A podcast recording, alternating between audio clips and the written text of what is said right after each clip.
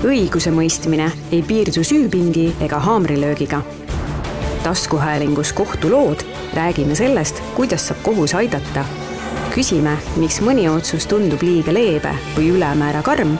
ning uurime, kas kohus kunagi ka eksib. tere, head Delfi podcasti kuulajad! Teiega taas saatejuht Marek Vahing, olen Tartu Maakohtu kohtunik. tänases saates räägime kuritegude uurimisest või siis eeluurimisest või kohtueelsest uurimisest või kohtueelsest menetlusest, et nagu kuulete, siis heal lapsel mitu nime ja keskendumegi täna ehk tavalisest rohkem siis selgitamisele, et äh, kuidas politsei asju uurib, kellega koostöö teeb, koostööd teeb ja kellelt uurimiseks ehk luba küsib. ehk et äh, kuidas on omavahel seotud uurimine ja, ja kohus. et kas käivad nad ühte jalga või on nad teineteisele hoopiski pinnuks silmas, et kes teab, et püüame siis nendele küsimustele äh, vastuseid leida tänase saate käigus. nagu ka eelmisel korral, ei ole ma tänagi siin üksi, minuga koos arutlevad põnevatel teemadel minu saatekülalised. ja esimesena tutvustangi teile Harju Maakohtu kohtunikku, samas kandist prokuröri ja politseiuurijat Mairi Heinsalu, tere! tere! Mari, lahendame ühe asja kohe siin alguses ära, et äh, mitu tunnustust sul juba nende parimate lahendite koostamise eest on? Äh, no mul on olnud au äh, saada neid kahel korral, aga siinkohal ma võin kohe ära öelda või tahan ära öelda kohe selle, et et kõik meie kohtunikud teevad väga kohusetundlikult, pühendunult ja südamega oma tööd, nii et tegelikult on äh, kõik sellist äh, tunnustust väärt. jah, kindlasti, et see tunnustus sulle on kindlasti tunnustus kõigile, kõigile kohtunikele et meie lahendeid ikkagi loetakse ja, ja vaadatakse, mis seal kirjas on ja, ja leitakse, et need on hästi kirjutatud. nii, aga meil on veel üks saatekülaline. ja, ja see teinegi saatekülaline ei ole vähem professionaalne ega pärjatud vähemate kiidusõnadega. mees, kes on oma südameasjaks võtnud välja juurida valgekraede kuritegevuse Eestist ja tuua selleks siis kurjategijad kohtu ette. tere, Keskkriminaalpolitsei majanduskuritegude büroo juht Leho Laur!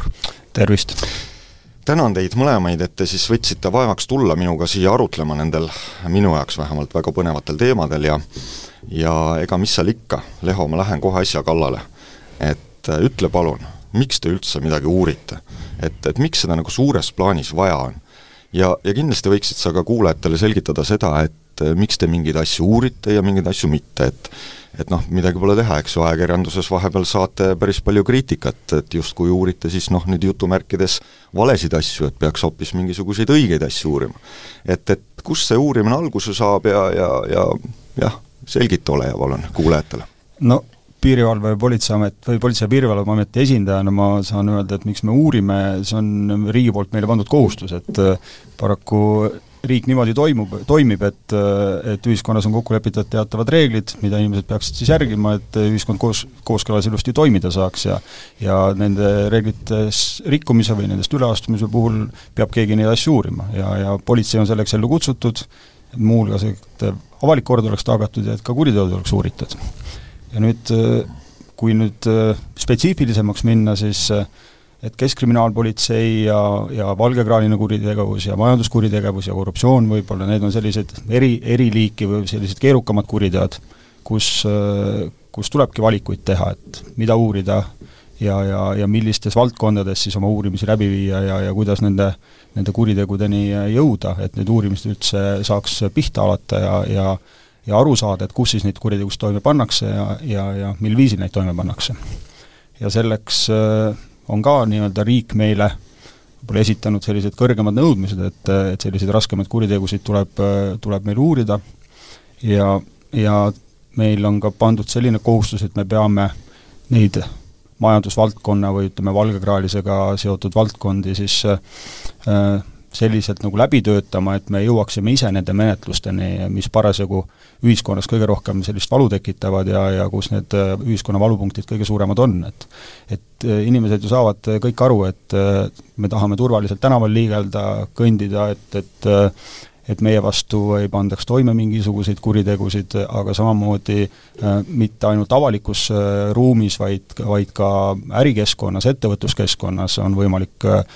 halbade kavatsuste korral ju, ju teiste inimeste õigusi rikkuda ja, ja seal see läbipaistvus tagada ja ja nii-öelda ühis, ühtsed võimalused kõigile, selle jaoks peab ka seda valdkonda uurima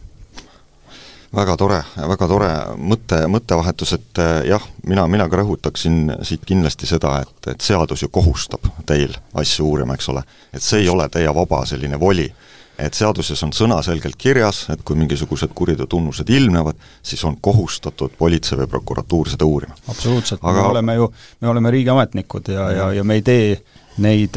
tegevusi või neid toiminguid eh, omaenda isiklikust huvist või, või veel hullem, kellegi teise või kolmanda isiku huvid ees, vaid mm. vaid eh, ka seadus ütleb seda, et, et meil on riiklikkuse põhimõte, et me ju eh, viime eeluurimist läbi ikkagi Eesti Vabariigi nimel mm. koos prokuratuuri ja kohtuga, et, et Just. seal ei ole nagu pääsu mm. -hmm aga ikkagi ma pinnin, pinnin sind natukene, natukene oh, edasi, et, et ikkagi räägi, mis need põhilised asjad on, et kust üks, üks eeluurimine äh, eks ju, alguse saab, et äh, teil Keskkriminaalpolitseis, et mis need, mis need erinevad variandid on?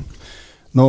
meie juurde see teave, mille pealt me siis saame hindama hakata, kas kuritegu on toime pandud ja kes seda toime pannud on ja ja neid esmaseid otsuseid tegema jõuab, äh, võib jõuda erineval kombel, et et inimesed võivad pöörduda meie poole, kui nad on kuriteo ohvriks langenud, kui nad tunnetavad ebaõiglust ja tunnetavad, et nende suhtes on võib-olla kuritegu toime pandud, või siis suurem osa meie tööst äh, käib selliselt, et me ise siis äh, oma tegevusvaldkonnas äh, kogume teavet, hindame, analüüsime seda, suhtleme oma välispartneritega, äh, hindame seda, mis parasjagu väliskeskkonnas toimub, mis on majanduses aktuaalne, millises seisus me täna oleme, ja, ja siis seda teavet hinnates ja, ja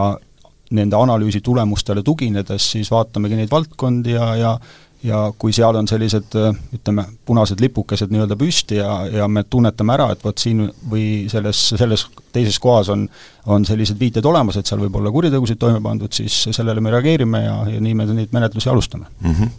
no võtamegi siis kohe selle punase lipukese asja, et näitena, et noh, kindlasti jah, nagu sa ütlesid, on, on asju, eks ju, mis algavad sellest, eks ole, et keegi kaebab konkreetselt, et siis te peate seda vaatama aga ilmselt võib-olla jah, huvitab rohkem inimesi see, et, et need punased lipukesed, et, et kui te nüüd siis mingisugust punast lipukest näete, et mis te siis edasi teete, et kuidas see nii-öelda see menetlus pihta hakkab, mis need põhilised tegevused on, mis, mis täna Keskkriminaalpolitsei teeb, et et kurjategijatele jälile jõuda? No jaa, eks me, eks me kasutame ju selle, kõigepealt tuleks alustada sellest, et kuidas, kuidas me seda teavet kogume võib-olla, et et, et politsei kasutuses on siis need võimalused nii avalikest kui salajastest allikatest, oma andmebaasidest, oma koostööpartneritega koostöös, välispartneritega koostöös seda teavet koguda, sünteesida, analüüsida. ja kui me tõesti oleme nüüd tuvastanud, et, et mingisugused tegevused omavad siis sellist äh, kuritegelikke äh, võib-olla jooni, mis siis viitavad kuritegude toimepanemisele, siis on esimene asi, me peame kaasama sinna prokuratuuri, et äh, läbi rääkida, hinnata selle tegevuse ulatust, seda kahju, seda mõju võib-olla ja, ja siis koostöös prokuratuuriga jõudma selle menetlusotsuseni, et, et vot siin on nüüd need kuriteo asjaolud on ilmnenud, koosseisulised asjaolud on täidetud, ehk et meil on siis äh, tekkinud selline objektiivne pilt sellest olukorrast, kus me saame öelda, et jah, siin on kuritegu toime pandud, mida on vaja uurida ja siis siin on jälle, tuleb see seadusest tulenev kohustus, kui on tuvastatud, tuleb uurima hakata mm. -hmm. ja, ja seda me ei saa teha oma suva järgi, et, et hakkame ka pihta, vaid ikkagi koostöös prokuratuuriga räägime läbi ja ja hindame oma ressursse ja võimalusi ja siis hakkame kujundama seda taktikat, mismoodi selle eeluurimisega edasi minna mm. -hmm no ma arvan, et mingis mõttes võib-olla kuulaja praegu arvab, et me käime ümber palava pudru, et ma panen kohe sinna pudru juurde ära, et, et kindlasti kuulajaid huvitab see, et, et miks te ikka kõiki jälitada tahate siis, et tegelikult äh, me ei taha üldse kõiki jälitada ja, ja kaugel sellest, äh, jälitus äh, kui selline, kui meede tõendite kogumiseks on ikkagi see viimane abinõu ja, ja ja seda, see ei tulene millestki muust jällegi kui seadusest ja välja kujunenud kohtupraktikast, et et me väga tõsiselt kaalume iga juhtumi puhul, kas jälitustoimingute kasutamine tõendite kogumiseks on põhjendatud ja, ja kas on seadusega kooskõlas, kas see on vajalik, ehk et iga meede peab olema ju kohane selle ühe või teise olukorra lahendamiseks ja, ja jälitustoimingud kui jälitusmenetlus kui selline on ikkagi äärmuslik meede, mis inimeste põhiõigusi riivab. Ja, ja seal tuleb väga selgelt äh, ikkagi selgusele jõuda, et kas, kas see on kohane meede ja mis ulatuses siis seda jälitust kasutada nende tõendite kogumiseks enne veel, kui ma annan kohtunikule sõna, kes, kes selle lõppotsuse teeb, et kas kas ta lubab äh, siis Keskkriminaalpolitseil, eks ju, jälituda või mitte, et veel selline küsimus võib-olla sulle, et, et nüüd äh, ikkagi, et äh, et mis see, mis see nagu äh, mis see nagu põhi äh, selline põhjus või või, või argument on, et et noh, et kui me vaatame neid toimikuid, eks ju, noh, ma räägin võib-olla natukene praegu siit nii-öelda ajakirjaniku rollist või, või niimoodi kõrvaltvaatajana, et et noh, tahes-tahtmata, eks ju, ka nende majandusasjade puhul ikkagi inimesed ütlevad, et aga toimiku esimene, esimesed lehed on, eks ju, jälitustegevus et noh, mis viimasest abinõust me siin räägime. et enne ei olegi midagi tehtud, kohe on jälitama kukutud. et äh, äkki sa rahustad kuulajaid või, või siis nii-öelda ütled, et nii ongi, et et mõnes asjas tulebki, tegelikult ei olegi mitte midagi muud teha, vaid tulebki kõigepealt jälitama hakata nojah, et eks see, see jälitusmenetluse otsuse tegemine ikkagi tuginebki sellele, et mis see konkreetne kuritegu on ja, ja, ja millised on need konkreetsed võimalused siis selle kuriteo lahendamiseks, et nagu seadus ütleb ka, et see on äärmuslik meede ja, ja kui muul moel ei ole võimalik või on oluliselt raskendatud nende tõendite kogumine, siis, siis on võimalus jälitusmenetlust kasutada. ja, ja selle olukorra hindamine siis koostöös prokuratuuriga käibki, et äh, majanduskuriteod või korruptsioonikuriteod või ka organiseeritud kuritegudega seotud äh, kuriteod, rasked narkokuriteod, need on rahvusvahelise mõõtmega tavaliselt äh, peitkuriteod, kus, äh, kus kumbki osapool võib-olla, kes seda kuritegu toime panevad, või ükski osapool ei tule politseisse ütlema, et, et vot, et me nüüd siin plaanisime siin altkäemaksuga mingisugust hankeolukorda lahendada või või siis suurt kogust narkootilist ainet siia Eestisse tuua või, või siit läbi või organiseerida üle Euroopa mingit transiiti, et et need kuriteod on peitkuriteod, latentsed, nende kuritegude osas tõendite kogumine ongi väga keerukas. ja, ja ja tulenevalt meie sellest tööspetsiifikast, et me ise läbi analüüsi ja teabe kogumise nende menetlusteni jõuame, siis äh, see tähendab ka seda, et neid kuritegusid, milleni me jõuame, neid pannakse sellel hetkel parasjagu ka toime, et et see jälitusmenetlus äh, on asjakohane ka sellisel juhul ainult, kui, äh, kui meil on võimalik sellega tõendeid koguda. ehk et kunagi minevikus toime pandud teo osas on väga vähe tõenäoline, et, et inimese jälitamine enam selle vana asja kohta mingisuguseid uusi tõendeid toob, et siin tulebki seda olulist seika kaaluda alati mm. -hmm ma võtan nüüd siis äh, korraks sellise prokuröri rolli, eks ju, et sest noh, täna veel siin prokuröri äh, saatekülaliseks ei ole. et äh, tuleb siis, Leho, sina tuled siis minu juurde, eks ole, mina olen siis prokurör ja, ja siis ütled mulle, et eks ju, koos, noh, nii nagu sa tegelikult ütlesid, et, et noh, tegelikult tehakse ju tihedat koostööd. et nüüd siis koos, koos äh, prokuröriga te siis leiate, et oleks vaja minna siis kohtusse, eks ju, pealtkuulamiseks, kellegi inimese pealtkuulamiseks luba küsima. sest me kõik teame, et see toimib ainult kohtu loal nii, ja nüüd ma küsingi siis sinu käest, Mairi, et äh, tuleb siis Leho koos prokuröriga sinu juurde ja, ja tahab hakata kedagi pealt kuulama, et et äh, ma võib-olla üldse nagu rohkem ei, ei juhendakski, et mida ma sinult teada tahan, et lihtsalt see olukord, et go. Äh, ma kohe täpsustan selle ära, et äh, tavaliselt tuleb ikkagi prokurör üksinda, et äh, menetleja ei tule. Äh, siis, kui ma prokuratuuris töötasin, siis mul endal oli prokurörina üks olukord kus, äh, kus ma pidin kaasama äh, jälitaja, kes äh, lihtsalt oskas tehniliselt nagu selgitada kohtunikule paremini ära, aga see on ka ainult üks kord. et reeglina tuleb ikkagi prokurör ja, ja ta esitabki juba taotluse. ja ma või, võiks öelda, vabandust, võin öelda, et tegelikult prokurörid oma taotlused äh, põhjendavad väga hästi, ma ütleks, et isegi liigagi hästi, äh, võib-olla isegi äh, sisustavad seda üleliigselt, äh, kord, korrates siis erinevates kohtades enam-vähem sama asjaolusid, mis toob seda mahtu nagu hästi palju nagu juurde. See omakorda teeb minule kui kohtunikule natuke selle asja hoomamatuks ja võtab rohkem aega et äh, sellest taotlusest see oluline nagu välja võtta. ja arvestades seda, et kuna eeluurimiskohtunik peab jälitustaotluse lahendama viivitamata ja tihtilugu on, ongi seal ka aeg kriitiline, kui on hästi kiiresti vaja seda luba, tulenevalt siis äh, teatud asjaoludest,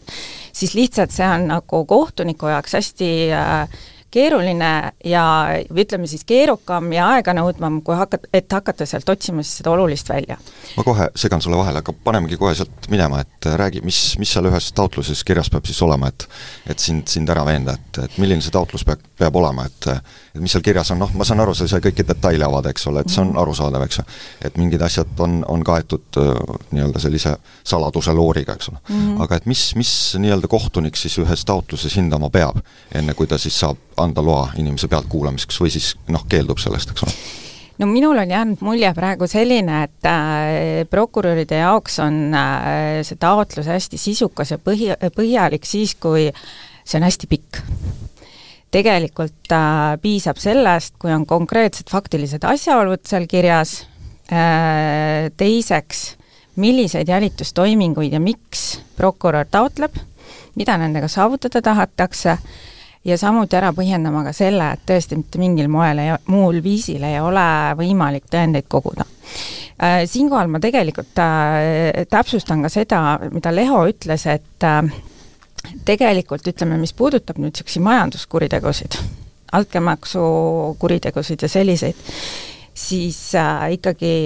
reeglina vähemalt nendes asjades, mis minu käest on läbi käinud, on ennem seda, kui tullakse kohtuniku juurde, ääretult palju tehtud ikkagi muid toiminguid, ehk siis analüüsitud hästi palju erinevaid mingisuguseid arveldusarveid, majandusaasta aruandeid, ehk siis kõik see eelnev töö, mis on vähegi võimalik ära teha avalikest allikatest, on tavaliselt tehtud. Et sina tunned, et sinu juurde nagu keegi kalastama ei ole tulnud, et et tõesti noh, me ju, me ju kõik teame, et, et noh, ei saa lihtsalt minna kohtuniku juurde, et ole hea, luba meil inimest pealt kuulata, et me tahame teada, mis ta teeb, et äkki ta paneb mõne kuriteo toime. et sulle ju peab ikkagi, eks ju, seal taotluses olema selgelt ära näidatud, et miks prokurör arvab, et on inimene mingisuguse kuriteo juba toime pannud, eks ole. ja siis on, lihtsalt kirjutab sinna juurde siis lause, aga kuna mul ei ole võimalik mitte mingil muul moel selle kuriteo tuvastamiseks tõendeid koguda, siis austatud kohus, palun andke mulle luba, et ma saaksin seda inimest pealt kuulata, et äkki ta siis selle telefonikõne käigus, eks ju, räägib ennast sisse. et, et see on see, see mõte, eks ole, et no sellist, äh, sellist kalastamist ei ole olnud mm. -hmm on olnud Väga küll, äh, on olnud küll äh, olukordi, kus kohus on jätnud prokuröri taotluse näiteks osaliselt rahuldamata, aga see on tingitud võib-olla pigem sellest, et prokurör ei ole piisavalt põhjendanud, miks ta konkreetset jälitustoimingut nagu äh, taotleb. Aga mis ma tahan veel öelda seoses jälitustoimingutega, et kui äh, enne esimest maid kaks tuhat kakskümmend kolm äh, andis näiteks varjatud jälgimise lubasid ainult prokuratuur, siis nüüd Äh,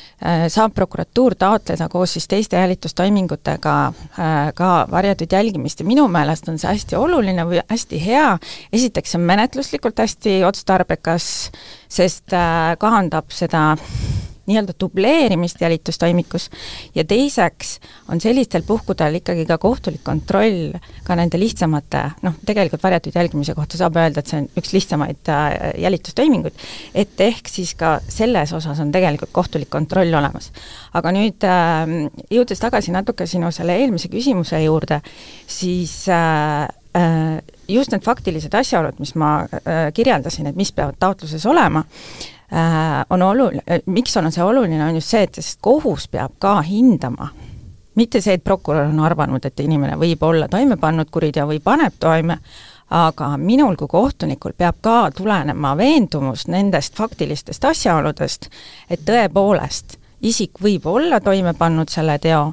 või siis paneb selle teo toime ja, ja veelgi olulisem on see, et, et et see tegu, milles isikut on äh, alust kahtlustada,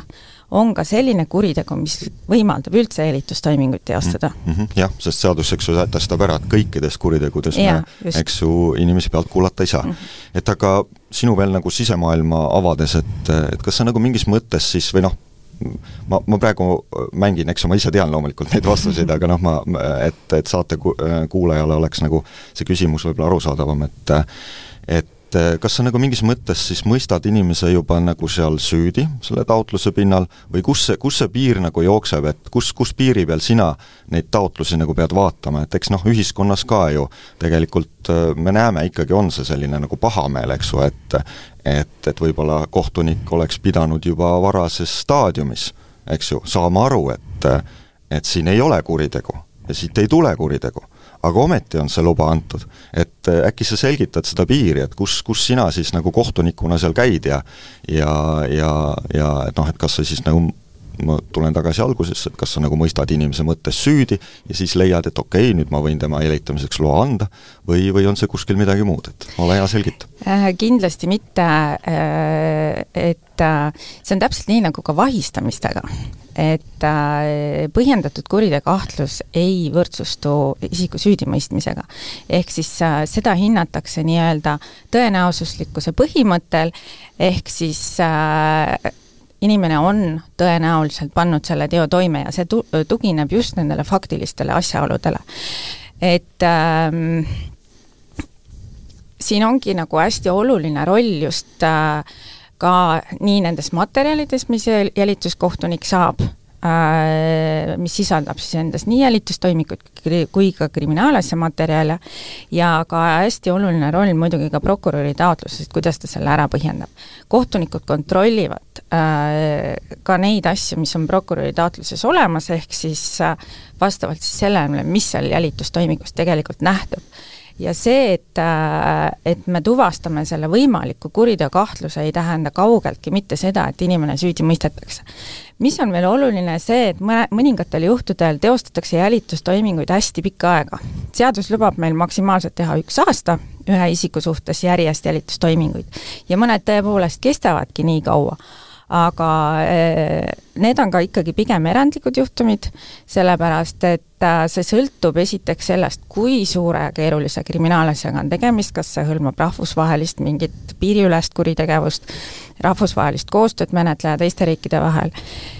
ja kui palju seal isikuid on. Et äh, on olnud ka selliseid juhtumeid, kus järjest isikute ring laieneb, ehk siis Äh, tänu sellele ühele jälitustoimingule hakkab ta niimoodi nagu hargnema. ja tegelikult äh, noh, see juba vajab täiendavat lisaaega, et kõikide isikute roll, tegevus äh, teatud kuritegude puhul on hästi oluline tuvastada ka see subjektiivne külg, et inimene teadlikult ja tahtlikult näiteks paneb mingit kuritegu toime et äh, aga reeglina ikkagi äh, neid jälitustoiminguid teostatakse äh, ikkagi võimalikult vähesel määral ja üritatakse saada siis äh, äh neid tõendeid jälitustoimingutega võimalikult lühikese perioodil jooksul, et isikute põhiõiguste riive oleks võimalikult väike mm. -hmm et siis, kas ma sain sinust õigesti aru, et äh, sa süüdi inimest oma peas mõistma ei pea, aga sina pead olema veendunud, et nende tõendite pinnalt siis, mis prokurör on sinna taotlusesse kirja pannud, ja on pannud siis sinna selle kahtlustuse teksti, et milles tema siis inimest kahtlustab, et millise etteheite ta inimesele teeb, et suure tõenäosusega see inimene on selle teo toime pannud ja võib ka edaspidi siis kuritegusid toime panna, et mhm. et see on, see on see, mida sina teed siis? jaa, mhm. või siis, või siis on ka see, et, et et just nendele faktiliste asjaoludele tuginedes saab öelda, et see isik on sooritamas kuritegu, sest äh, jälitustoimingut ei äh,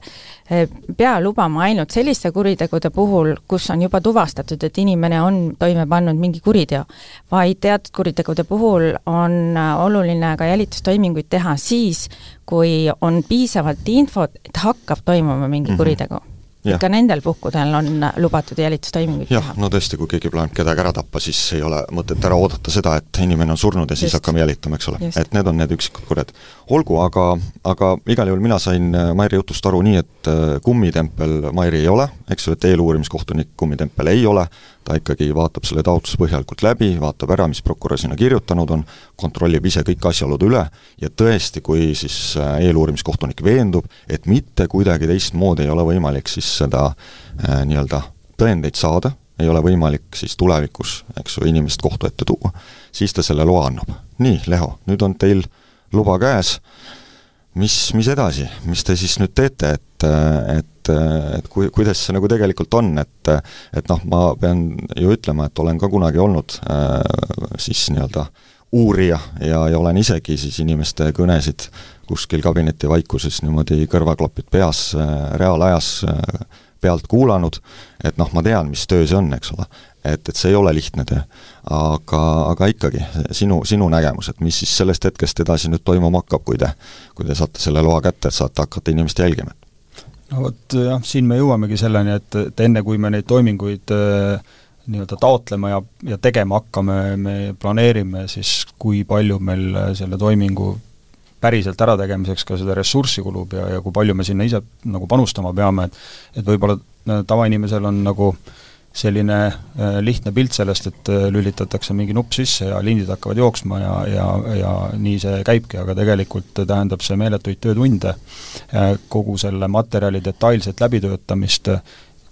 mis ei ole ühe inimese töö, seal kõrval on peale selle inimese, kes siis reaalselt, äh, kui pealtkuulamisest räägime, istub klapid peas ja, ja kuulab seda juttu, äh, veel terve, terve hulk inimesi, äh, kes kogu seda teavet analüüsivad, neid, neid tõendeid hindavad, mis sealt tulevad, seda teksti nagu hindab ja, ja kui kui arvatakse, et, et pealtkuulamine on selline toiming, mis nii-öelda õnne õuele toob ja, ja, ja kohe kõik asjad ära lahendab, siis kaugel sellest, et et see kild killu haaval sealt selle teabe kokkukogumine, selle hindamine ja selle tõendiks vormistamine, see on äh, omajagu palju tööd. et, et siinkohal ma julgen küll inimesi rahustada, et, et politsei hea meelega ei, äh, ei kuulaks kedagi pealt ja ei teeks neid toiminguid, sest need on väga-väga töömahukad ja ja, ja kui, kui selline üldlevinud äh, mõte on, et et kogu maailma pealt kuulatakse, siis äh, julgen inimesi rahustada, et, et sellist ressurssi, et kogu Eestit pealt kuulata, ei ole mitte kuskil olemas, et, et seda, seda lihtsalt ei ole võimalik teha. aga jah, kui, kui me räägime veel Keskkriminaalpolitsei võib-olla tööspetsiifikast, siis siis äh, tavaliselt meie menetlustes ei piirduta ühe jälitustoiminguga, kui, kui me kohtu poole pöördume läbi prokuratuuri, et et need materjalid, mida me eelnevalt kokku paneme äh,, mida prokuratuur siis oma taotlustes kohtule esitab äh,, nende, nende, nende kokkupanemisel ja selle menetlustaktika kujundamisel me ju võtame kõiki asjaolusid arvesse ja ja paraku on olukord selline, et kus me viimasel ajal üha rohkem kasutame selliseid äh, kompleks äh, komplekstoiminguid, ehk et kui me, kui me kasutame pealtkuulamist, siis äh, sinna juurde käivad ka ilmselt varjatud jälgimised, varjatud sisenemised, nii edasi ja nii edasi, ka politseiagendi kasutamine, kõik need võimalused, mis tegelikult meil seaduses kirjeldatud on, et jälitustoimingute näol, mida me siis kasutada saame tõendite kogumisel. ehk et need Äh, kuriteod on hästi keerukad ja, ja nende lahendamisel siis tuleb kasutada maksimumvõimalusi, aga teisest küljest jällegi iga selle taotletud toimingu puhul äh, tuleb meil väga täpselt hinnata, nagu ka Mairi ütles, et mida me siis selle toiminguga saavutada tahame, milliseid äh, asjaolusid me tahame tuvastada, et et see peab olema meil endal ka selge, kui me neid otsuseid teeme, et me läheme ja kohtu poole pöördume mm. -hmm kas, kas, kas ma tohin ühe ja, asja veel öelda ikka. seoses jälitusega, et äh, mis on ka hästi oluline näiteks, et äh, noh, enamus, enamus ajast äh, taotletakse ja kohus ka annab äh, kombineeritud jälitustoiminguid. -hmm. ja tegelikkus on see, et asjaolu, et kohus on võimaldanud äh, jälitusasutusele teostada erinevaid jälitustoiminguid, ei tähenda seda, et jälitusasutus ka kõiki neid äh, toiminguid ka kasutab mm. -hmm. esiteks ei pruugi olla see menetlustaktikaliselt üldse võimalik, teiseks, hästi paljud äh, toimingud sõltuvad tehnilistest äh, vahenditest, ei pruugi tehnilistel põhjustel olla võimalik, nii et tegelikult on selle laiema kombineeritud jälitustoimingute võimaldamise mõte pigem selles, et äh, vähemalt mingi jälitustoimingu teostamise võimalusel oleks võimalik jälitusasutusel neid tõendeid koguda. sest väga harva on see, kui kõiki neid jälitustoiminguid äh, teostatakse äh, reaalselt mm.. see on väga väike, väga mm. väike võimalus. aga noh, midagi pole teha, ühiskond, äh, ühiskonnast kostub kriitikat, eks ole. et vaat liiga palju ikkagi. ja hirmsa, hirmsa suure hooga ja hästi palju korraga. et Leho, kas äh, sina leiad samamoodi nagu mina, et et noh, tegelikult on niimoodi, et poole vinnaga ei ole mõtet ju oma tööd teha. et kui sulle on nagu usaldatud see roll, et palun, tee kindlaks, kes kurjategija on, siis mismoodi saab sulle ette heita seda, et sa oma tööd nagu kuidagi poolikult noh, või, või tähendab, mitte ette heita, vaid sa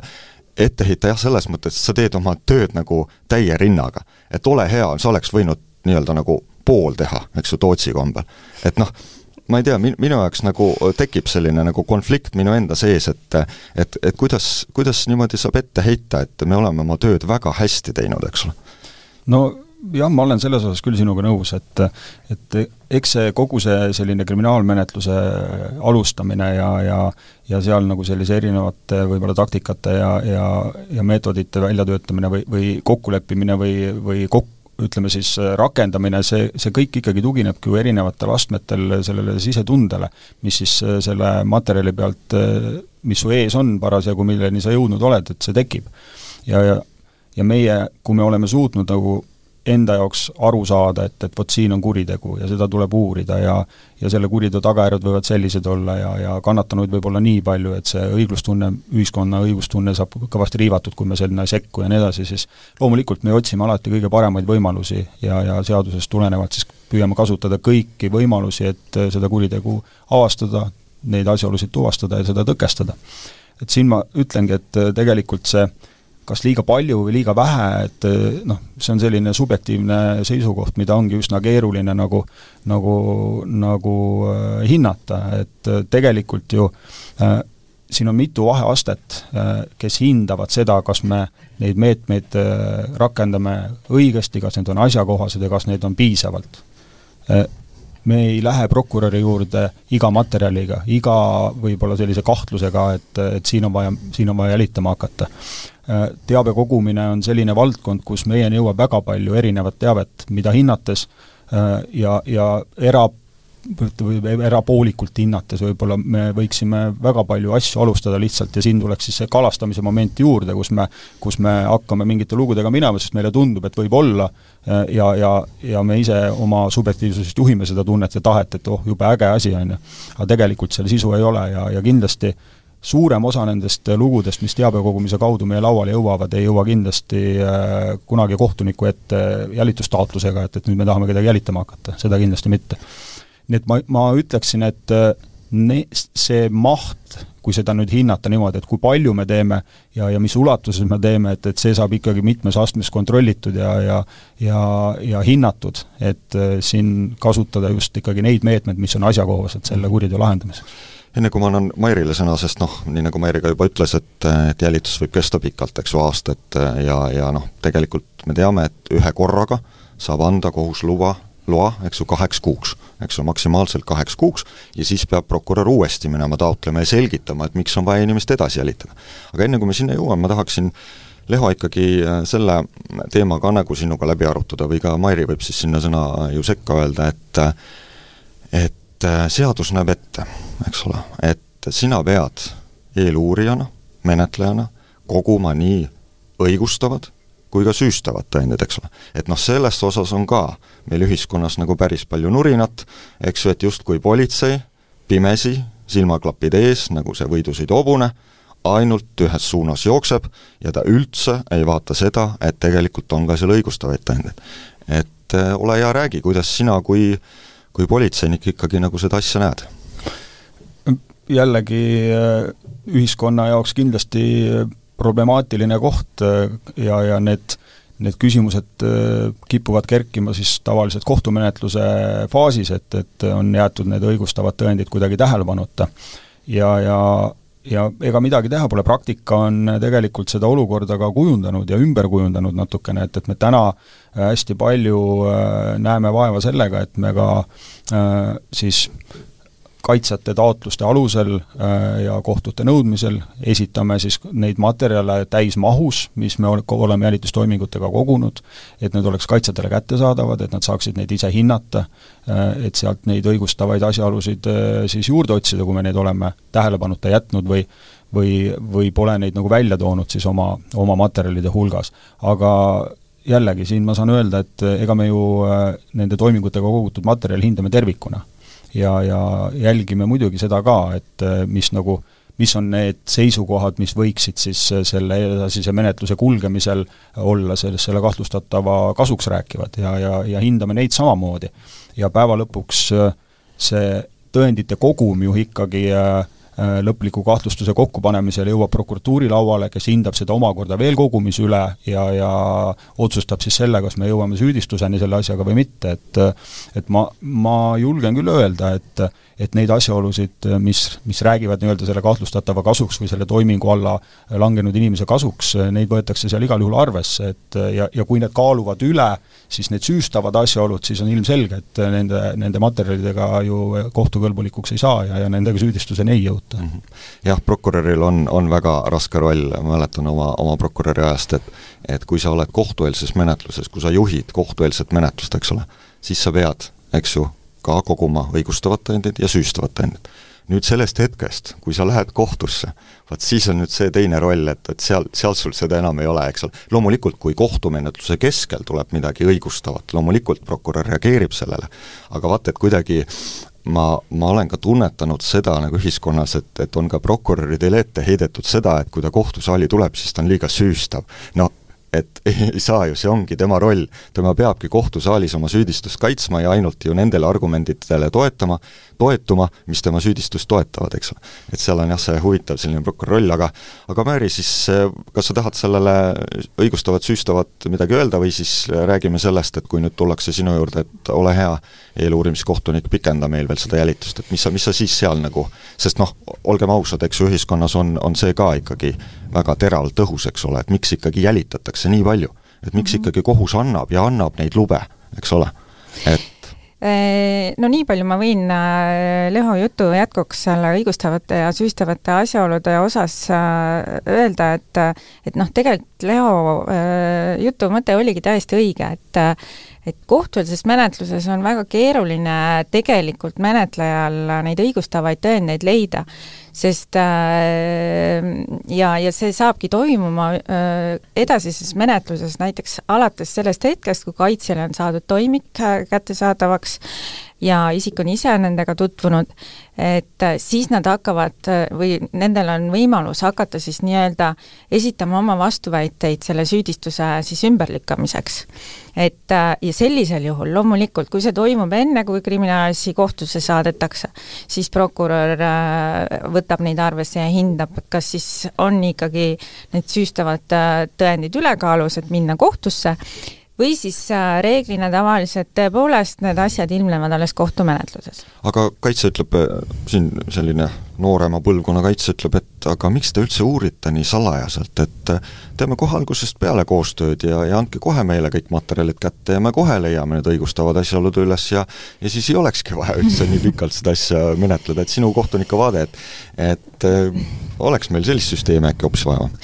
Mina arvan, et seda süsteemi tegelikult võiks muuta, äh, sest äh, praegune menetlus, ütleme, et noh, kui me räägime kohtumenetlusest, nii-öelda võistlevast menetlusest, siis see võistlev menetlus tegelikult toimubki ainult kohtumenetluses. et seda eelneval staadiumis ei ole ehk siis äh, võib minna väga pikka aega, enne kui isik üldse saab teada, et tema suhtes on menetlus olnud, tema suhtes on tõendeid kogutud, sest reeglina ikkagi inimene kas siis peetakse kahtlustatavana kinni või esitatakse ta, talle kahtlustus alles siis, kui on selleks piisavad tõendid kogutud. ja ehm, noh, ma saan iseenesest menetlejatest aru, olles ise uurija ja prokurör olnud, et äh, sest teadmata veel seda ikkagi, kas see asi jõuab ka süüdistuseni. Ja, ja, ja võib-olla on ikkagi, noh, mitte võib-olla, vaid tegelikkus on ju ka see, et, et peale siis äh, isiku ülekuulamist seal tõenäoliselt hakatakse veel toiminguid teostama, koguma veel tõendeid, et äh,, et mitte siis avalikustada võib-olla seda, et, et mis juba nagu olemas on. Äh,, ka sellel põhjusel, et võib-olla see asi ei jõuagi süüdistuseni, ehk siis äh, ei ole mõtet äh, äh, võib-olla alati, ma ei ütle, et kogu aeg, teatud juhtudel võib olla see põhjendatud, et äh, äh noh, kas siis kaitseisik ei, ei saaks nagu tutvuda materjalidega, aga ma arvan, et tegelikult see võistleva menetluse osakaal võiks kanduda oluliselt rohkem sinna kohtueelsesse menetlusse sest äh, minu, see on minu hinnang puhtalt, see tõenäoliselt hoiaks ära väga paljude kohtumenetluste äh, saagad kohtus, mis lõpuks päädivad õigeksmõistva otsusega. olen sinuga igati nõus mm. -hmm. jaa, ehk siis, et, et me kulutame nagu liigselt riigi ressurssi ja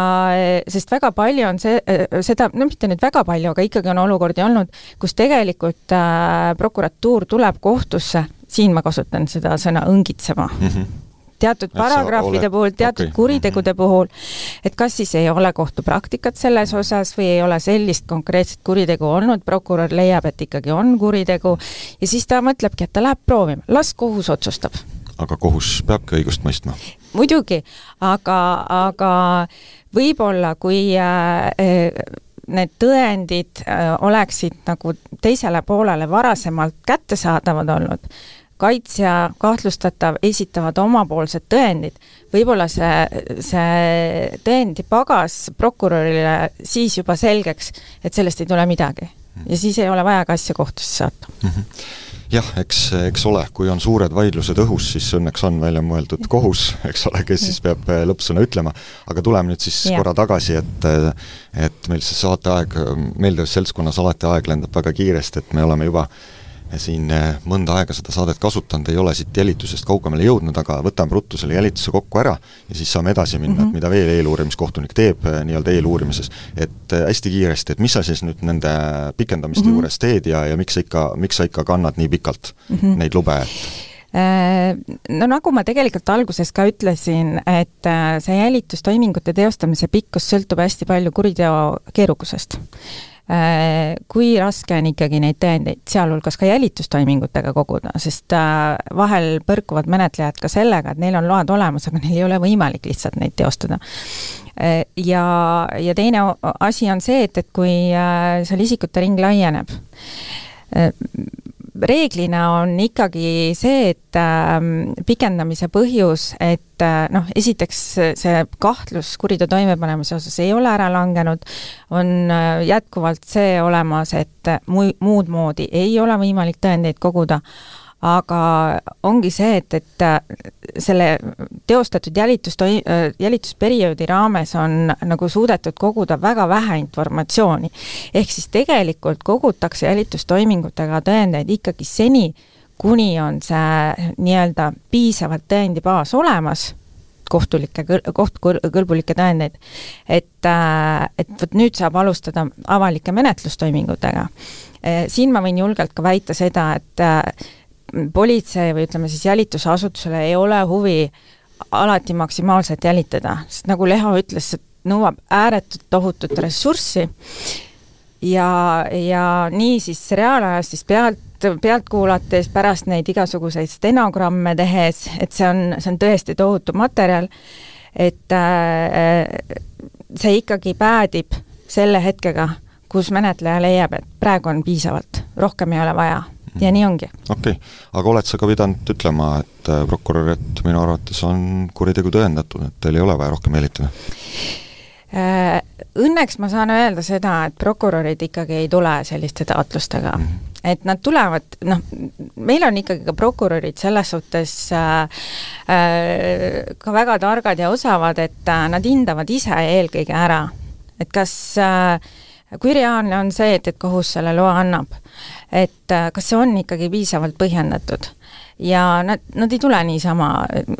sinna mütsiga lööma, et vaatame, et kas pikendatakse veel või mitte. seda on hea teada, nii, järgmine kuum teema, Leha, olete nüüd siis inimest pealt kuulanud aasta otsa ja ühiskonnas tekitab kriitikat järgmiste menetlustoimingute läbiotsimiste ajastus. kuidas te neid siis ikkagi nüüd ajastate, et kas ajastate neid siin noh, kuidagi sihitult või, või on ikkagi see puhtalt ikkagi menetluslik otsus ja ja lihtsalt sellel ajahetkel on vaja seda läbiotsimist teha, et no ma ütlen, et kindlasti me ajastame sihitult neid äh, toiminguid, mida me siis tegema hakkame, kui kui me jälitusega oleme piisavalt tõendeid kogunud, et, et minna avalike toimingute peale. ja see sihitus ikkagi ennekõike kaalutakse läbi äh, menetluse äh, huvisid arvesse võttes, et, et mitte sihitult selles mõttes, et võimalikult siis nendele menetlusalustele isikutele kahju tekitada või või neid võimalikult ebamugavasse olukorda panna, et seda kindlasti mitte. et peamiseks eesmärgiks on ikkagi äh, tõendite kogumisel arvesse võtta seda, et, et mis, millised on need ajahetked, kus me neid tõendeid kõige paremal kombel kätte saame ja, ja, ja kõige, kõige valutumal kombel kätte saame, et ega äh, see, see on ju ilmselge, et, et inimese jaoks, kes on uurimise alla sattunud ja kelle suhtes neid toiminguid tehakse, on see väga ebameeldiv protsess ja see, ma usun, ei ole kellelegi, kellelegi meeltmööda, kui tema koju või kontorisse tullakse läbiotsimisega. Aga, aga teistpidi ma võin öelda, et ka nendele ametnikele, kes seda, kes neid avalikke toiminguid teevad, on see samamoodi selline ütleme, psüühiliselt või psühholoogiliselt selline keerukas protsess, et ega see ei ole meeldiv töö käia kellegi öökapis sorimas ja, ja sealt mingisuguseid asju otsimas, aga paraku see töö tuleb nagu ametnikul ära teha, et, et midagi teha ei ole, me seda valida ei saa. aga, aga siinkohal küll jah, me seda nii-öelda planeerimisprotsessi ikkagi võtame ennekõike Äh, arvesse ja, seal protsessil võtame arvesse ennekõike seda, et, et millised on need menetlushuvid ja, ja kuidas me need tõendid ikkagi kätte saaksime. ja selle jaoks on ka tegelikult seal jälitustoimingutel väga oluline roll, et me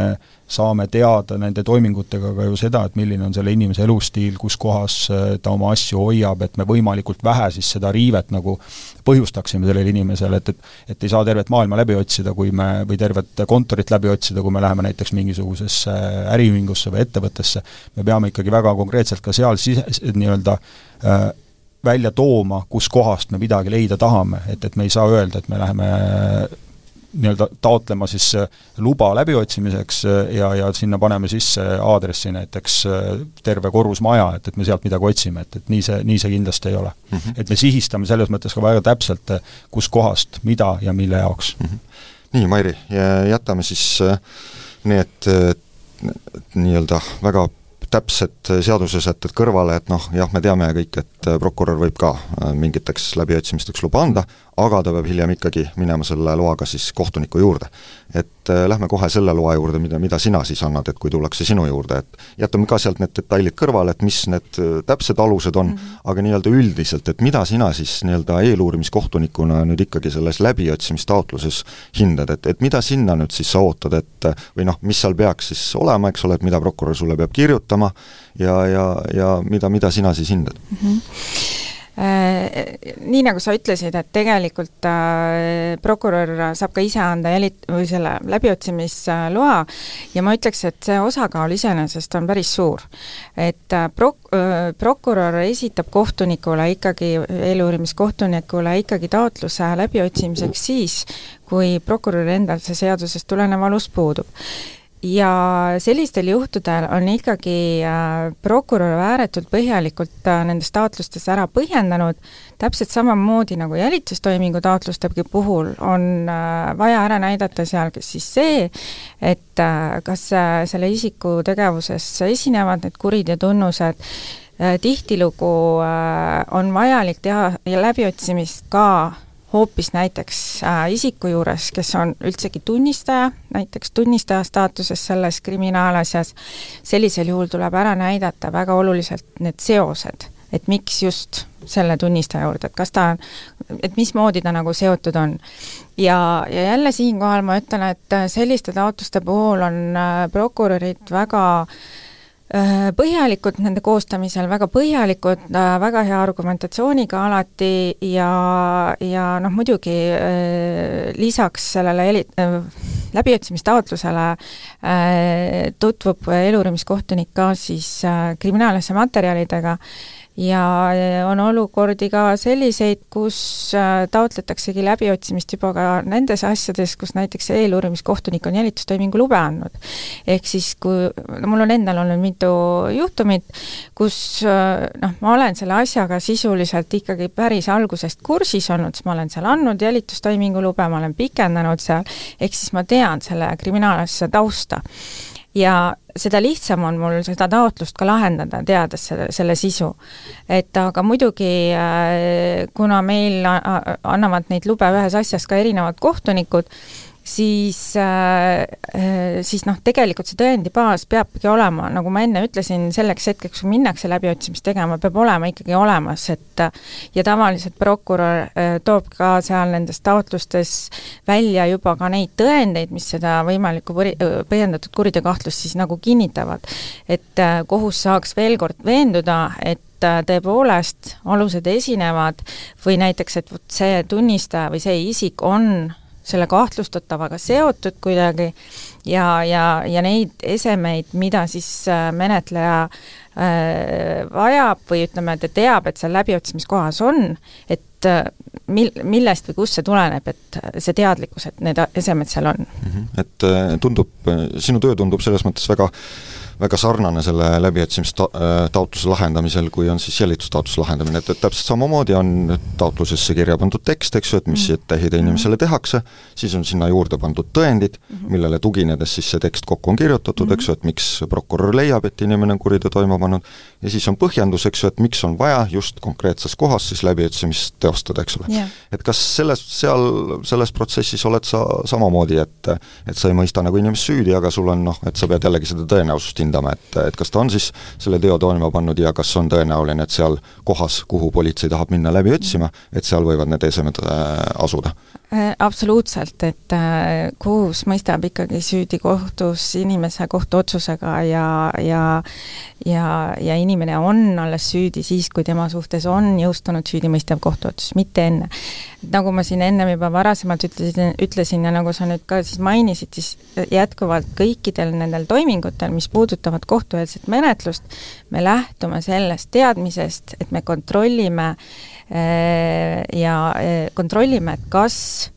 esinevad kuriteotunnused, kas see inimene võib olla toime pannud selle teo, milles noh, mida siis menetleja nagu kahtlustab. et meie funktsioon ongi kontrollida neid asju, mis on siis prokurör sinna taotlusesse kirjutanud, kas see tõendusteave, mis seal taotluses on, on, tuleneb ka nendest materjalidest, mis kohtunikule on esitatud. ehk siis kohtulik kontroll on väga tõhus ja, ja eh, noh, minu jälle ma, ma ei tea, kas see on nüüd tingitud sellest, et prokurörid teevad oma tööd selles osas väga hästi, minul ei ole olnud seni olnud põhjust äh, jätta läbiotsimistaotlus rahuldamata. mul ei ole seda põhjust olnud mm. -hmm. kõik on alati olnud põhjendatud ja mul on olnud neid ka äh, äh, üsna üksikuid, neid taotlusi. ja kõik on väga hästi põhjendatud, kõik on tuvastamist leidnud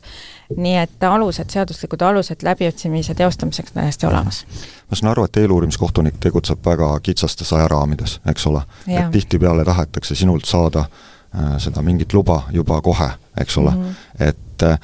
et kas, kuidas sa suhtud sellesse, kui nüüd siis hiljem nii-öelda selles põhimenetluses, eks ju, et kui tõendid lähevad kohtu ette, et, et kui nüüd siis seal põhimenetluses see kohtunik, kellel on aega, eks ole, läheb oma nõupidamistuppa, rahulikult vaatab neid pabereid, eks ole, ja siis ütleb, et aga Mai Reinsalu vaat seal kaks aastat tagasi oli natukene nagu hooletu või, või, või lohakas, ei kirjutanud piisavalt, et et ei põhjendanud piisavalt seda jälitusluba, et kuidas sa suhtud siis, kui sa kuuled, et et noh, oletame siis, et tühistatakse ära see sinu, sinu luba noh, ma alustan sellest, et äh, ma pean ennast ikkagi päris heaks põhjendajaks, aga äh, tõsi, meil on äh, tihtilugu, me oleme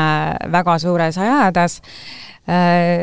mille peale võib-olla menetlejad ja prokurörid äh, ei äh, mõtle nii väga, kui nemad esitavad kas siis meile jälitustoimingu taotluse või läbiotsimistaotluse, on see, et, et nad ei ole ainukesed. Neid prokuröre ja neid menetlejaid, kes tahavad võib-olla täpselt samal päeval, täpselt sama kiiresti, on mitmeid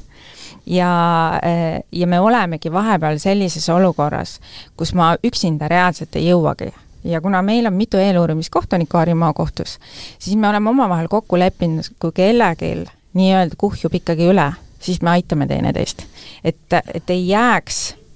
eh, siis eh, oluline toiming noh, tegelikult ka jälitustoiming on teinekord väga oluline kiiresti saada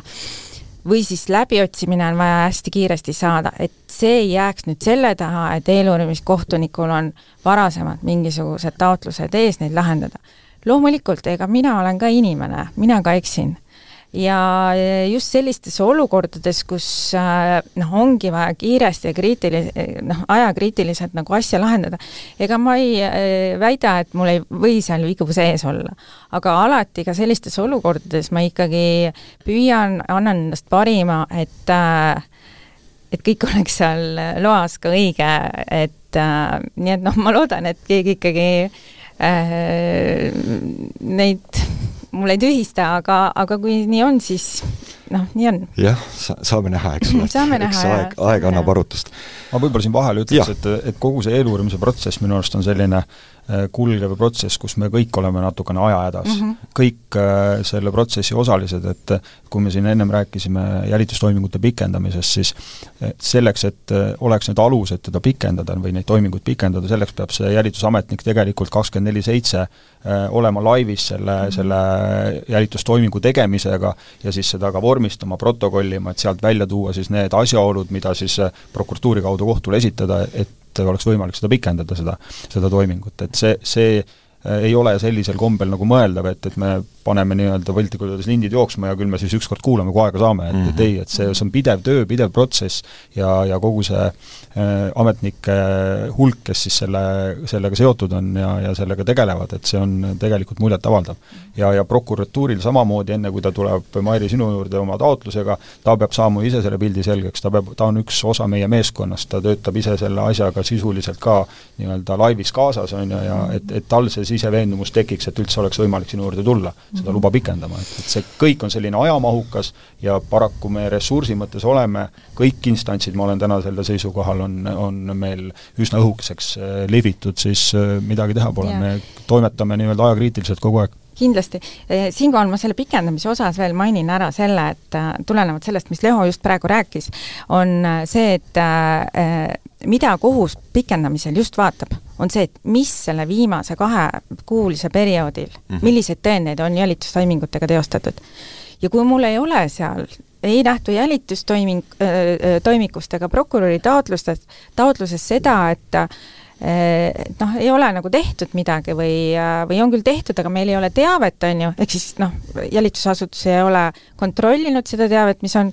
noh, siis sellise taotlusega mm. ei ole teha midagi, õnneks ei ole selliste taotlustega ka tuldud mm. -hmm. nii, enne kui mul on päris viimane selline intrigeeriv küsimus teile selle, arvestades seda, et meil on ikkagi eeluurimine on tänase saate teema, siis siis ma ikkagi veel jah, midagi pole teha, meil saab saateaeg otsa, eks ju, tegelikult ju eeluurimiskohtunikul on veel väga palju ülesandeid, eks ju, eeluurimiskohtunik, kui leitakse, et eks ju, prokurör ja koostöös politseiga leiab, et inimene tuleb mingiks ajaks, eks ju,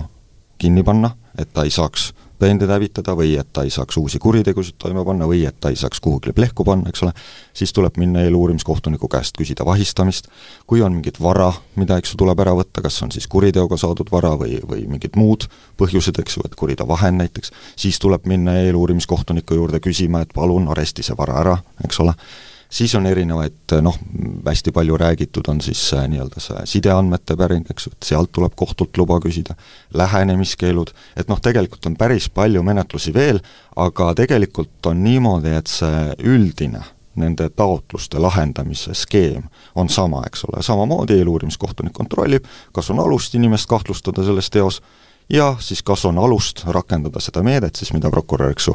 eks ju, nagu äh, siis soovib. et ma arvan, et noh, selles mõttes me ei pea rohkem, kuna meil ei ole ka aega, siis detailidesse minema, aga aga Leho, ma sinult äh, siiski nagu küsin seda, et äh, annan sulle harukordse võimaluse, et et noh, mida sina siis nagu kõigepealt sulle, siis saab Mairi ka pärast mm., et mida sina eeluurimiskohtunikult ootad või kohtult üldse nii-öelda, mida sa tunned, et, et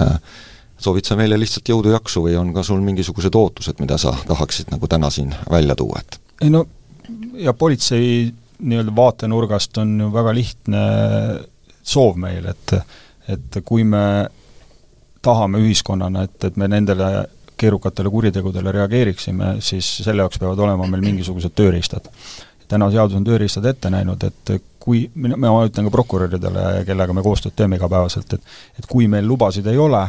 siis me paraku tõendeid koguda ei saa ja tööd teha ei saa. et, et, et nii ta ongi. ja tegelikult eh, eks nende lubade taotlemine ja, ja selle menetlustaktika paikapanemine, see ikkagi sõltub sellest teabest, mis me oleme siis suutnud ennem koguda, et et meie ülesanne on võimalikult hästi see olukord lahti kirjeldada, eh, et ka kohtunikul, kes tegelikult seda asja esimest korda näeb, sellel hetkel, kui tema juurde tullakse, et tal tekiks see siseveendumus. ja, ja, ja me loodame, et meie töö on hästi tehtud, prokurör on ka oma tööd kohtus hästi teinud ja et kohtunik siis annaks meile need tööriistad meie käsutusse, mis seadusega ette nähtud on, et ega mul,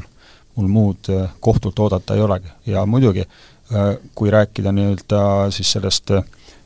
uurimise või kriminaalmenetluse lõpptulemist, siis õiglustunne on paraku selline,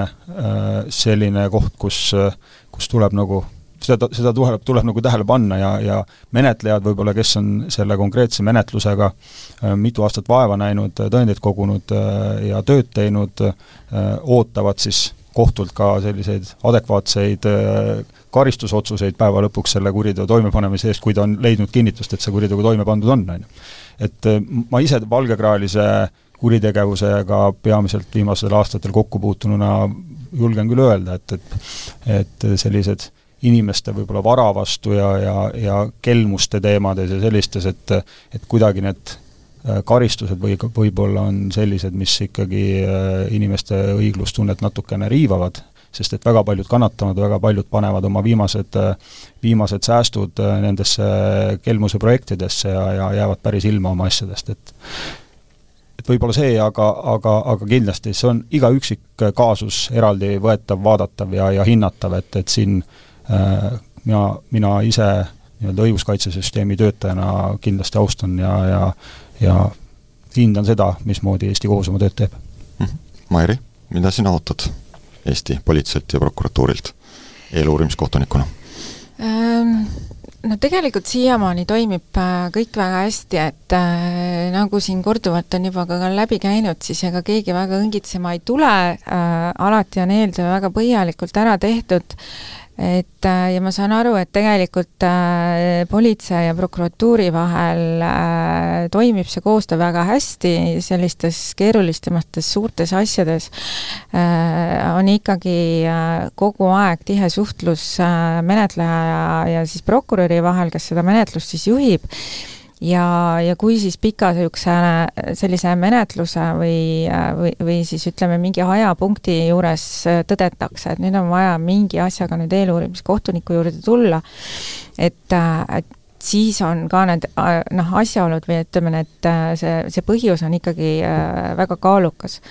Et äh, ei, no ei tulda niisama lihtsalt, et võib-olla vanasti oli see selline tavapärasem, aga siis oli ka see meie menetlus hoopis teistsugune, hästi palju õigusi oli uurija enda käes, äh, nüüd on väga palju äh, uurija roll tulnud üle prokuröri kätte, samamoodi on prokuröri rollist, mis varasemalt oli, väga palju tulnud kohtu kätte. et selles suhtes on hästi oluline, et see kontrolli tase on natuke kõrgem. et ma ütleks, et Äh, tegelikult ma ei saa väga üldse nuriseda, ütleme siis politsei äh, töös, äh, et nad on ikkagi teinud väga põhjalikult ja piisavat eeltööd, enne kui üldse kohtusse nagu tullakse mingi, mingeid asju nagu taotlema. nii, ja nüüd siis lõpuks viimane küsimus, et kõigepealt vaatan Leo poole, et kas meil on vaja eeluurimisele tähtaegu? no eeluurimisel ju on tähtajad tegelikult ja, ja kõik, kõik, kogu see eeluurimise protsess, mille me täna siin selle saate käigus ka läbi käisime, kõik on ju täht, tähtaegadega piiratud, et et minu arust äh, rohkem tähtajastada äh, ma ei näe sellel äh, suurt kasutegurit, et tegelikult me ka ise sisemiselt äh, ütleme, politsei siis sisemiselt äh, nende raskete ja keerukate võib-olla valgekraalise ja majanduskuritegude puhul äh, oleme enda jaoks pannud mingisugused tähtajad paika, millest me püüame kinni pidada, me hindame, analüüsime seda ja, ja mõõdame seda, et et kui, kui meil on eesmärgiks seatud sellise sihtmärgi menetluse pooleteist aastaga kohtusse saatmine või prokuratuuri saatmine, siis ma arvan, et see on päris ambitsioonikas tähtaeg meile pandud, et kui me võtame arvesse seda, et meil on võimalus seal aasta sisuliselt jälitustoimingutega tõendeid koguda ja siis jääb, jääb pool aastat kogu see materjal kokku panna ja prokuratuuri saata, et ma arvan, et see on nagu selline päris ambitsioonikas väljakutse, aga, aga paraku on nii, et elu seab omad äh, takistused sellele ja me võime ju planeerida ja mõelda, aga päriselu, nagu Mairi ka ütles, et et võib ju lubasid anda, aga tegelikult me ei saa neid rakendada ja, ja, ja osa, võib-olla nende menetlusosaliste äh, arv suureneb menetluse käigus, tulevad välja, ilmnevad uued kuriteod, mida tuleb uurima hakata, et seda on nagu võimatu minu arust hinnata või ette öelda, et vot selle ajaga peab tehtud olema. et äh, selle jaoks on et sellist asja hinnata, peaks kogu seda protsessi suutma ise kontrollida, aga paraku meil on alati uurimisel üks pool, keda me ei kontrolli sellisel kombel, et me saaksime iga tema sammu nagu ette arvata ja öelda, et, et see on kontrollimatu, kontrollimatu olukord tegelikult kõikide õiguskaitseorganite jaoks ja siin tähtaegadega seda raamistada, jah, ma olen teataval määral nõus, et meil on tegelikult selliseid avaldusepõhiseid, kergemaid, lihtsamaid kuritegusid, mille võib-olla kiire kohtueelne menetlus saab löögi just selle tõttu, et meil ei ole piisavalt ressursse, et, et kui me, kui me Keskkriminaalpolitseist räägime, siis meil on privileeg äh, teatavas mõttes äh, mitte selliseid avaldusepõhiseid asju uurida, ehk et me ei ole selle massikoorma all, iga menetlus, mille me võtame, on sihtmärgi menetlus sisuliselt, kuhu me paneme peale meeskonna, ehk et ühte asja uurib äh, viis, kuus, kaheksa, kümme inimest. Äh, kui me räägime nagu sellisest prefektuuri tasandist, võib-olla jaoskonna tasandist, siis ühel uurijal võib käes olla kümneid, kümneid asju, kolmkümmend, nelikümmend, viiskümmend asja. ja, ja sealt tekivad minu arust need kohad, kus inimeste õiglustunne saab selle tõttu riivatud, et nende asjaga piisavalt ei tegeleta selle jaoks, sellest, sellepärast et inimesed lihtsalt ei jõua, et see noh, see on mõeldamatu. Mairi? oi, mina olen selle, selle aja üle elanud, kus olid eeluurimistähtajad. no vot siis ma ütleks seda, et äh, ainuke, mida ma mäletan, oli see, et äh, kogu ressurss läks nende eeluurimistähtaega, äh, tähtaegade pikendamiste taotluste koostamisele, päriselt. mina seda kindlasti ei poolda. ma olen täiesti veendunud, et politsei menetleb oma asja täpselt nii, noh, nii kiiresti, kui neil seda võimalik teha on. ja, ja ma usun, et teatud kuritegude puhul paratamatult see menetlus võtab aega, need on suured, need on mahukad, et keegi niisama lihtsalt ei lase asjal nagu venida ja seista, et tõepoolest mõned äh, menetlused meil äh, on veninud väga pikaks, aga siin ma tooks võib-olla välja ka sellise erinevuse, et äh, mida ma tean ka, on see, et menetleja, ütleme siis politseiasutus menetleb küll ka suure ja keerulise asja ära väga kiiresti ütleme noh, arvestades seda asja sisu, siis para-, paraku prokuratuur jätab selle asja seisma. alles hiljuti oli üks äh, kriminaalasi, kus äh, kohtueelse menetluse lõpuleviimisest esitati süüdistus kolm pool aastat hiljem et noh, ma ei tea selle asja sisu täpsemalt, aga mis on see põhjus, noh, tõenäoliselt on seal see, et, et ka prokuratuurist on inimesed ära läinud, tulevad uued inimesed, suurte mahukate asjade puhul peab uus prokurör selle asjaga ennast kurssi viima, ma olen ise ka läbi elanud selle asja, ja see võtab aega paratamatult. aga sellisel juhul siis nagu tuleks ka prokuratuuril kaasata siis rohkem võib-olla prokuröre selle kriminaalasja menetlemisse, sest jube kurb on tegelikult, kui sa näed, et politsei on teinud meeletut tööd, sinna on kaasatud vahepeal viiskümmend inimest, kes selle asja, seda asja nagu menetlevad. ja nad on suutnud selle keerulise, raske asja ära menetleda, noh, ütleme näiteks aasta jooksul. ja siis prokuratuuris lihtsalt asi seisab. et seda on tegelikult väga kurb vaadata. aitäh teid sisukate vestluste eest tänan kuulajaid, need olid kohtulood, kohtume jälle, kõike head! aitäh! õigusemõistmine ei piirdu süüpingi ega haamrilöögiga. taskuhäälingus Kohtulood räägime sellest, kuidas saab kohus aidata. küsime, miks mõni otsus tundub liiga leebe või ülemäära karm ning uurime, kas kohus kunagi ka eksib